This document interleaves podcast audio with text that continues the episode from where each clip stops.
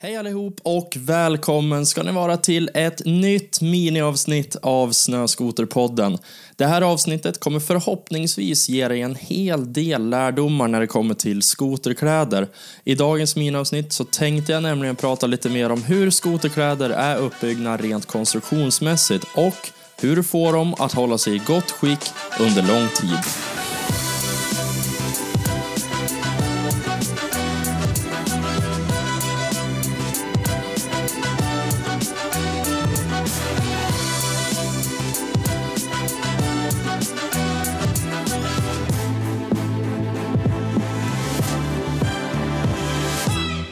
Yes, vi börjar med att gå igenom lite klädkonstruktion och vad som gör dina skoterkläder vattentäta så vi får lite mer kött på benen helt enkelt.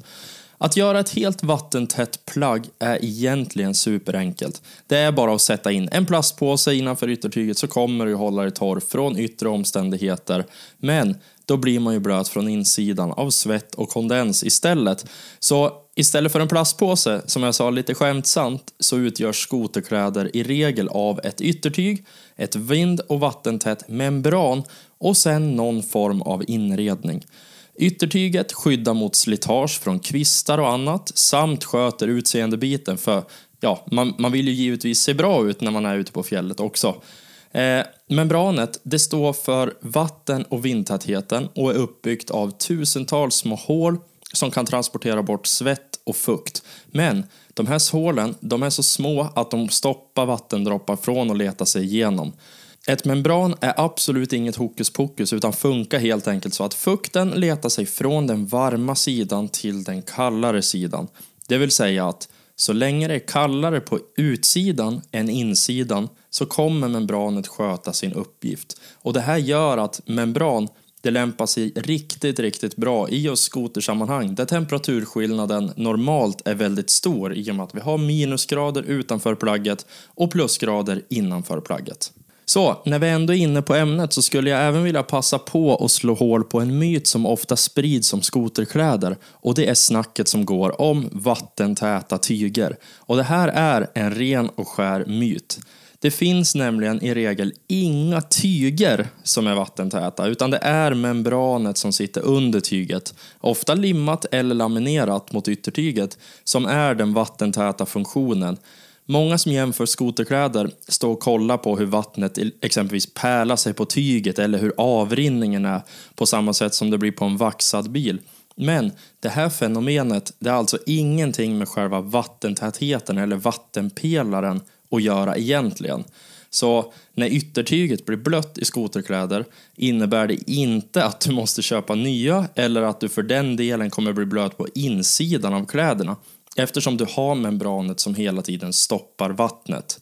När vatten pärlar sig på tyget så beror det på att plagget har en impregnering från fabrik som ofta kallas för DVR-behandling, vilket betyder Durable Water Repellent Treatment. Den här impregneringen gör att vattnet studsar av tyget om det träffar ytan med svag kraft. Däremot på ytor som blir hårt utsatta för tryck, i skoterkläder exempelvis på rumpan och på knän, så kommer tyget ändå absorbera vatten. Den här behandlingen är i regel ganska kostsam ur ett tillverkningsperspektiv och något som man betalar för när man köper lite dyrare skoterkläder. Det håller jätte, jättebra, oftast genom en, en säsong eller kanske två säsonger också. Men rent tekniskt så kan man få en sån här pärlande vattenavrinningseffekt på vilket skoterplagg som helst, oavsett om det är dyrt eller billigt.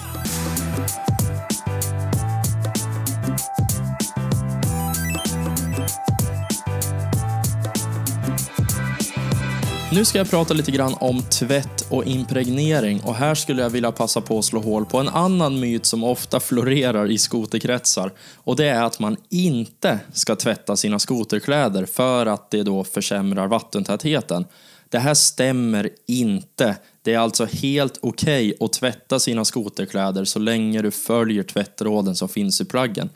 Självklart, man ska inte tvätta skoterkläderna varje vecka, men en till två gånger per säsong på ett skonsamt program är inga problem alls.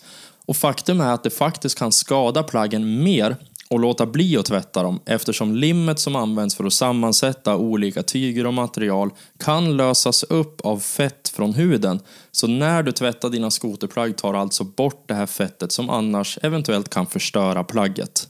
Så när du har bestämt dig för att tvätta dina skoterkläder ska du alltså följa tvättråden som står på lappen i plagget. Oftast när det gäller tekniska membranprodukter så ska du tvätta på 30 grader på ett sportprogram eller på ett skonsamt program. Och för att hålla alla egen...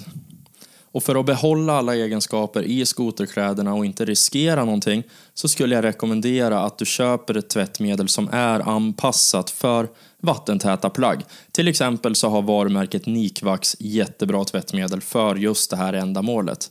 När ditt klädesplagg är tvättat, torkat och rent så är det ett bra tillfälle att återimpregnera så du får den här härliga pärleffekten av att vattnet pärlar sig och rinner av plagget. Här finns det en uppsjö av olika bra alternativ, både sprayer, flytande som körs i tvättmaskinen och andra modeller. Alla med olika anvisningar, så jag tänker inte gå in på just det. Men det viktigaste som gäller vid val av impregnering är att välja något som är anpassat för just plagg med membran. För annars kan du täppa till tyget för mycket och på så sätt begränsa plaggets förmåga att andas. Och det är ju någonstans det viktigaste, att faktiskt få ut fukten ur plagget. Sådär, det var allt för idag. Hoppas det var givande, att du lärt dig någonting och att du kan använda den här kunskapen till att göra ditt skoterintresse ännu roligare. Följ gärna Snöskoterpodden på Instagram, skicka ett DM och skriv vad du tyckte om det här miniavsnittet.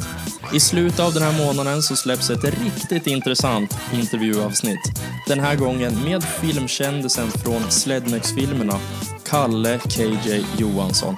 Missa inte det. Tack för att du lyssnar. Vi hörs igen i nästa avsnitt.